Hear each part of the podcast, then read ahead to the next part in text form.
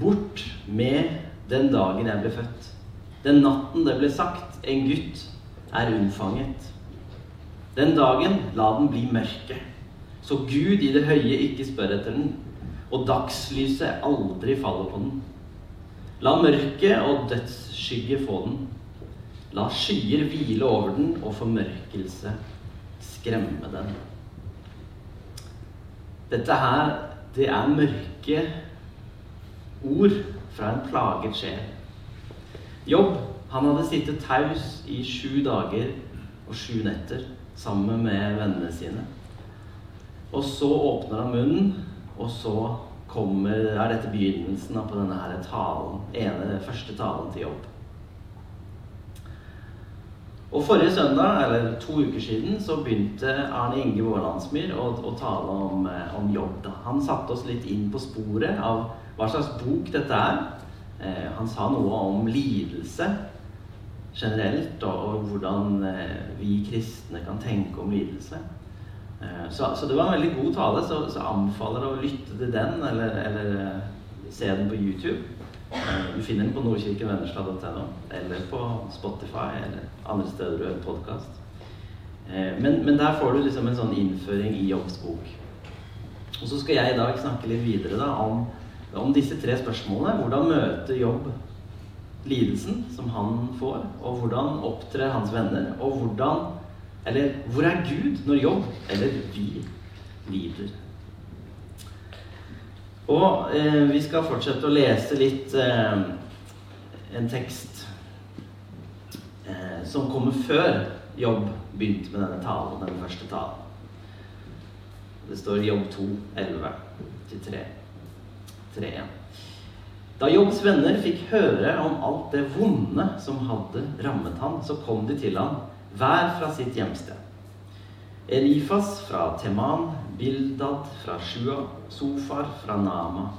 De møttes for å sørge med ham og for å trøste ham. Mens de ennå var et stykke unna, så fikk de øye på ham, men de kjente han ikke igjen. De brast i gråt, de flerret kappene sine og kastet støv over hodet.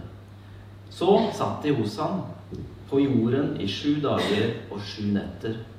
Ingen sa et ord til ham, for de så at hans smerte var stor. Til sist åpnet Jobb munnen og forbannet den dagen han ble født.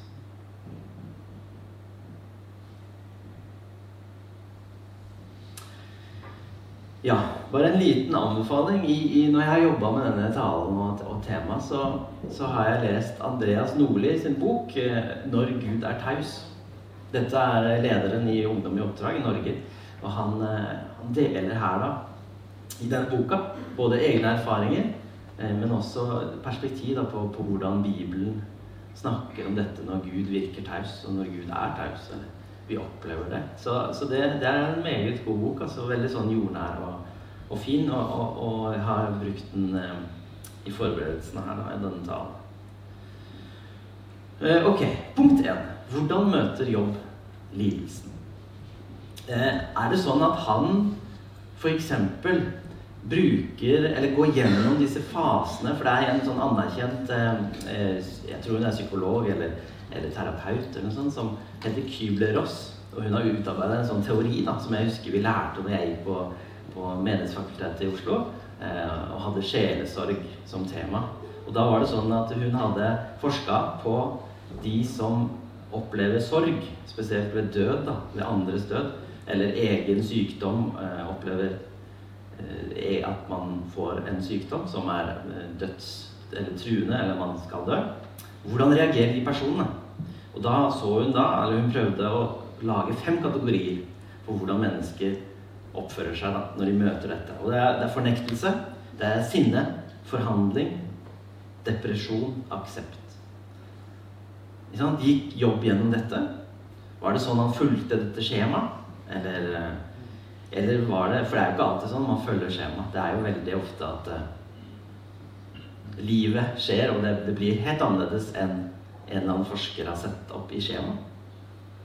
Men la oss se litt mer på, på hva, hvordan jobb møter dette. Eh, Arne Inge han ga oss liksom et innriss i jobb. Eller sånn omriss, innriss. Ja, han snakket om jobb. Hva, hvordan den boka er bygd opp. Eh, så jeg går ikke inn i alle detaljene der. Men det handler altså om at anklageren, han får lov på en måte til å plage jobb. Eh, han får lov til å plage jobb, eh, men bare eiendommen hans og familien hans, ikke selve jobb og kona hans. Han får ikke lov til å røre de. Men på tross av at Jobb mister både eiendom, han mister familie, barn, så velger han fortsatt å, å stole på sin skaper. Enkelt sagt. Eh, men det er ofte sånn at når ulykker rammer, så har vi mennesker behov for å plassere skyld et sted. Vi ser det allerede i begynnelsen av Bibelen, i, i, i Edens hage, eh, hvor, hvor eh, Eva spiser av eplet, og hun skylder på Eller Adam skylder på Eva ikke sant, først. Fordi de spiste av frukten fra treet. Og så skylder Eva på slangen. Og, så, og til slutt så blir det Gud som kanskje får skylda. Han er jo ansvarlig. Han burde jo gjort noe. Han burde visst, allvitende som han er. Eh, og dette er et sentralt spørsmål i Jobbs bok. Vil Jobb legge skylden på Gud ved å rette anklager mot ham?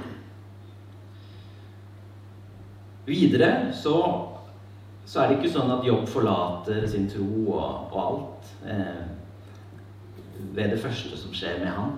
Så anklageren får på en måte lov til å gå litt lenger. For dette er, det virker sånn i, i bokens oppsett at dette er en test. da, eh, hvor, hvor, hvor, anklageren skal teste Jobb. Og han får lov av Gud, tilsynelatende.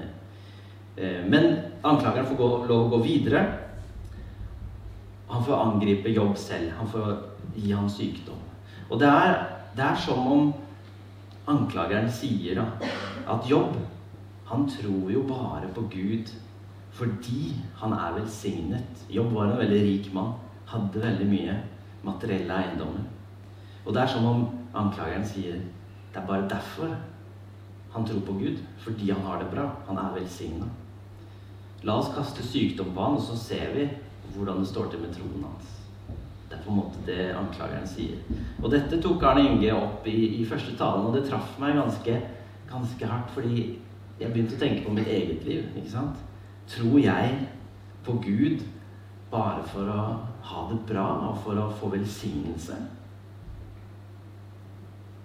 At, det, at hvis jeg opplever motstand og lidelse, så vil jeg, vil jeg, vil jeg da slutte å tro? Vil jeg miste troa? det, det, begynte å surre i meg, da. For, for hvordan er mitt bilde på Gud?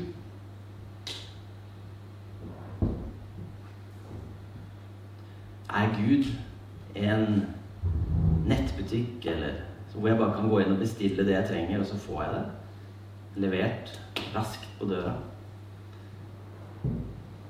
Og jeg tror dette er noe av det Jobbsbo prøver å jobbe med. Bildet vårt av Gud. Hvordan ser vi på Gud? Og det, det, det, må få lov til å surre i oss, tror jeg. I meg, i hvert fall. Ok, Men jobb. Hvordan møter han lidelse? Jobb, han var ærlig. Han ignorerer ikke livets realiteter. Han prøver ikke å bare ja, forklare det på enkle måter, eller bare ikke tenke på det, eller sånne ting. Eh, nei, han taler sant om sin egen situasjon og om seg selv. Og, og han taler det til Gud. Han gir det til Gud. Han klager sin nød. Han, han retter anklagen mot universets hersker. Han forlater ikke troen, han slutter ikke å tro, men han, han på en måte adresserer Gud og, og, og, forstår ikke hva som skjer. Hva er det Gud gjør, eller hvorfor tillater Gud dette?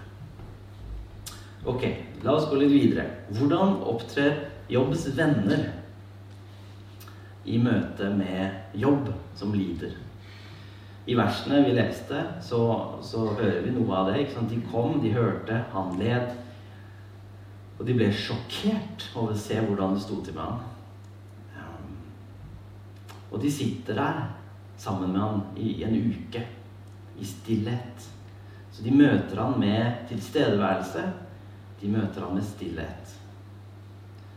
Og det kan ofte være en god måte å møte mennesker i lidelse. det kan være fristende å, å, å velge stillhet uten tilstedeværelse. At man trekker seg unna og bare er stille. Det, det kan være en naturlig reaksjon for mange mennesker. Men, men det å tørre å gå inn i det, og være til stede, sitte i rommet sammen med den som lider, men ikke nødvendigvis snakke så mye, forklare så mye, det tror jeg kan være en god måte å møte mennesker i lidelse. Det er i hvert fall slik eh, jobb blir møtt her i starten. Men så snur det på en måte. I, i kapittel tre der, når jobb, etter Jobb har holdt sin tale, så, så, er det en av disse vennene, Elifas fra Teman, som åpner munnen, og som ønsker å ta det tilbake til jobb. Og da, da begynner det å gå litt sånn De, starta så bra, men så begynner det å skli litt ut, kanskje. For nå ønsker disse vennene å på en måte ja, prøve å forklare hvorfor jobb lider.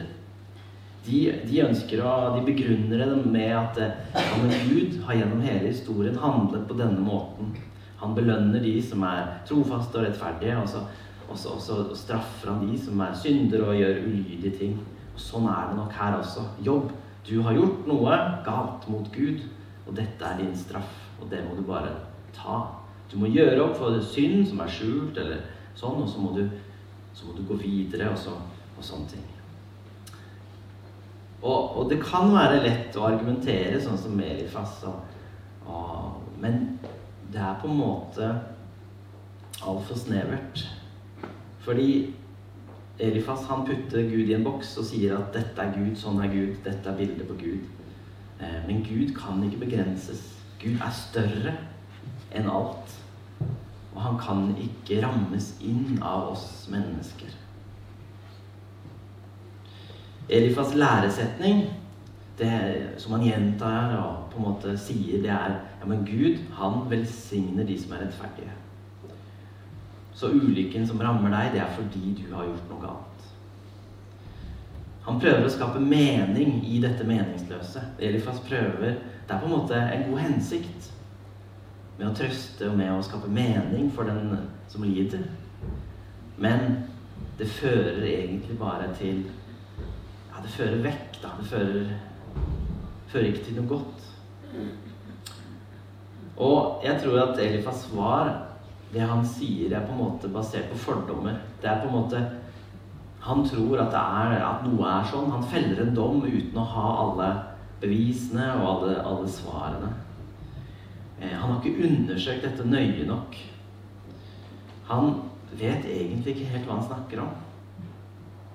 Og han påstår i avslutningen i kapittel 5, 27, i avslutningen av sin tale, så påstår Elifas at ja, men dette har vi gransket, dette har vi undersøkt. Slik er det. Hør det, og ta det til deg. Men han har tydeligvis ikke gjort det. For hvis Elifas skulle dømt riktig, så måtte han ha undersøkt grundigere eh, og ført beviser for sin anklage. Men det gjør han ikke. Han opptrer heller som en sånn litt sånn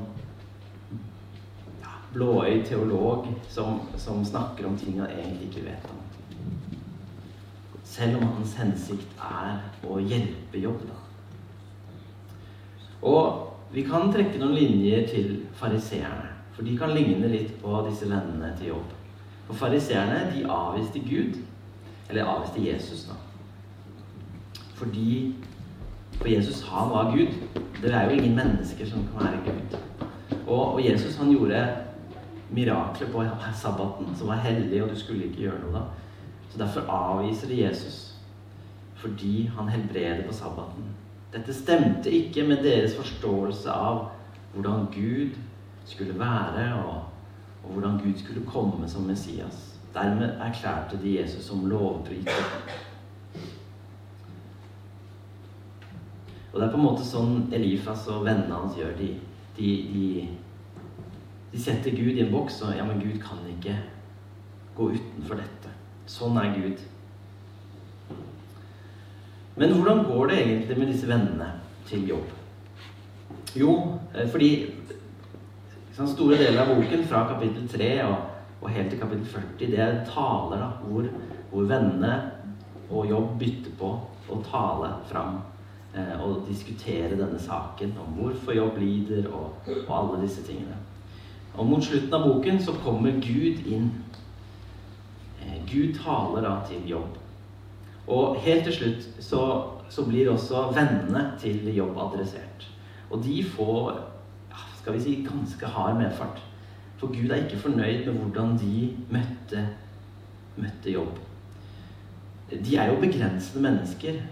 Det er de jo. Men, men måten de talte i god tro om at, om at, dette er straff, og dette er sånn og sånn, dette skyldes det og det, det falt dette, det, det likte ikke Gud. Han, han mente de talte feil. Og han sa at de måtte vende seg om fra det. Eh, og så måtte de gå til jobb, og så skulle han be for dem, og så skulle Gud på en måte spare dem, eller, eller tilgi dem, da. Eh, og, og, gi dem en ny sjanse.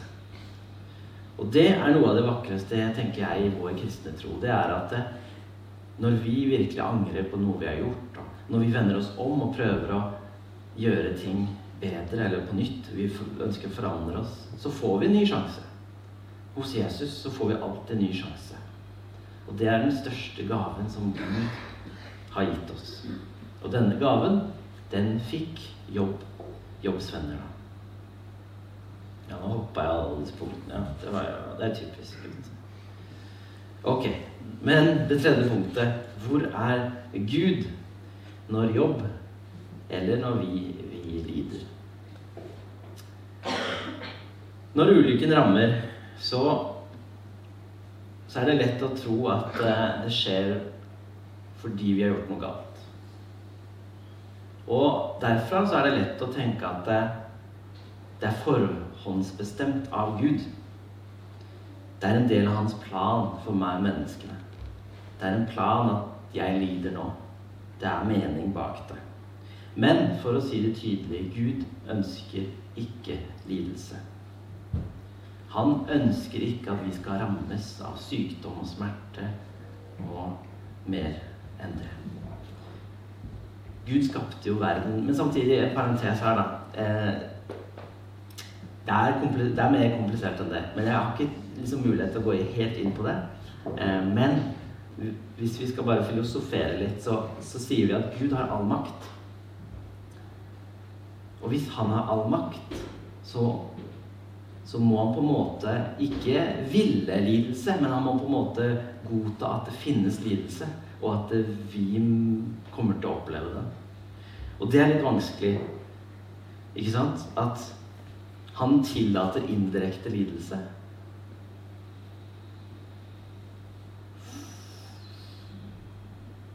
For hvis ikke, så er han jo ikke allmektig. Det er litt sånn eh, filosofisk og litt sånn store tanker, så eh, men jeg bare kaster det ut der. Og, og, men i utgangspunktet så skapte jo verden, Gud verden perfekt. Han skapte verden uten lidelse. Han skapte en verden som var i balanse, og hvor menneskene levde i harmoni. Og så kom synd inn i verden og ødela. Eh, og verden fikk lidelse og sykdom og smerte. Og når vi lever her i denne verden, så vil vi møte den lidelsen. Men den er ikke villet at vi skal lide og få lidelse, men det er en konsekvens av det som skjedde. Det er en konsekvens av at vi er mennesker og lever her i denne falne verden. Vårt håp det er at Gud har en plan. En plan for å gjenopprette denne her perfekte verden som han en gang skapte.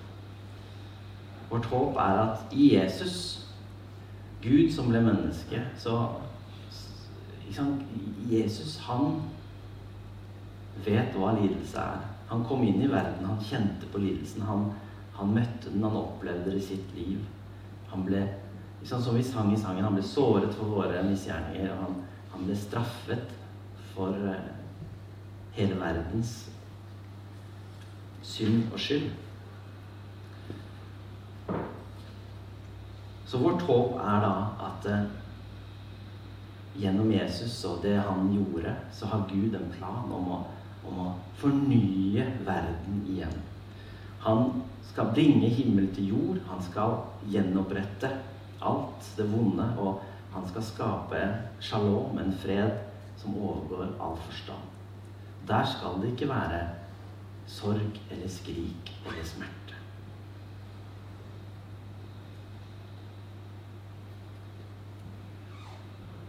I slutten av Jobbs bok så trer Gud fram.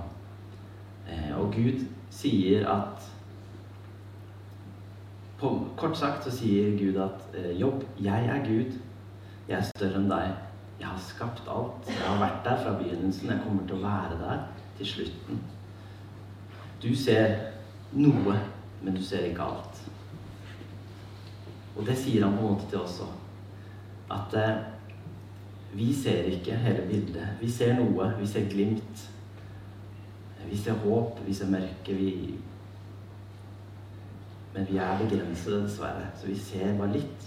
Gud har det store bildet. Og av og til må vi bare stole på at han har en plan. Stole på at han er der i lidelsene våre. Han lyttet til jobb. Han var der i lidelsen. Og, og, og jobb levde jo før Jesus. For etter Jesus kom og, og selv har vært i lidelsen, så, så, er det jo en, på en måte en sånn helt ny relasjon vi kan ha med Gud da, gjennom Jesus. Sånn at når vi lider, så, så, så er det enkle svaret hvor er Gud? Jo, han er der med oss i lidelsen. Han omgir oss på alle sider. Han holder oss i hånda, og han er der i lidelsene med oss. Han hører våre bønner og vår klage. Og jeg er veldig glad for at i, i Jobbs bok, da, eller i vår eh, bibel, i hvert fall min bibel, så kommer jo Salmenes bok etter Jobbs bok. Og Salmenes bok er jo full av ekte, ærlige tilbedelse, sanger, bønner til Gud. Og, noen av de, Salme 88 for eksempel, det er kjempe sånn derre det er jo ikke noe å leve for, og alt håp er ute. Og, ikke sant? Gjennom hele Bibelen har vi eksempler på at mennesker kan rope ut sin klage til Gud, og Gud vil lytte og være der. Eh, så det er masse materiale i Bibelen for oss som, som lever der i spenningen mellom at eh, Hvor er Gud? Eh, og vi trenger håp. Det er mørke men vi trenger håp. Og i Bibelen kan vi hente materiale for å hjelpe Oi, hjelpe oss. Og til slutt så vil jeg lese denne Jesaja 53. Fordi Gud, han ble menneske. Gud måtte lide for å vinne. Og Jesus, han led, men han vant. Og i han så har vi det håpet. Det levende håpet. Sannelig, våre sykdommer tok han, våre smerter bar han. Vi tenkte han er rammet, slått av Gud og plaget. Men han ble såret for våre lovbrudd, knust for våre synder. Straffen lå på han. Vi fikk fred. Ved hans sår så ble vi helbredet.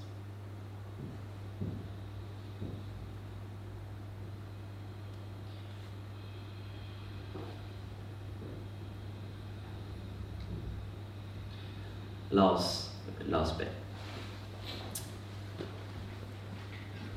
Kjære Gud, takk for at du er større enn det vi kan fatte, og det vi kan eh, tenke oss fatte. Samtidig er det litt skummelt òg, og vi skjønner ikke alt. Men vi kommer til det, Herre, med, med det vi har, og vi løfter opp til deg, Herre. Takker vi deg for at vi kan feire din oppstandelse i dag. At hver søndag er en feiring av at du lever, at du har overvunnet det vonde. Og at vi kan eh, ha håp gjennom det du har gjort, og at vi kan eh, få, noe, få det næring til vår, vår tro og gjennom relasjon med deg. Nå ber vi at du velsigner videre denne dagen, og velsigner oss som er her. Og vær med folk der de er.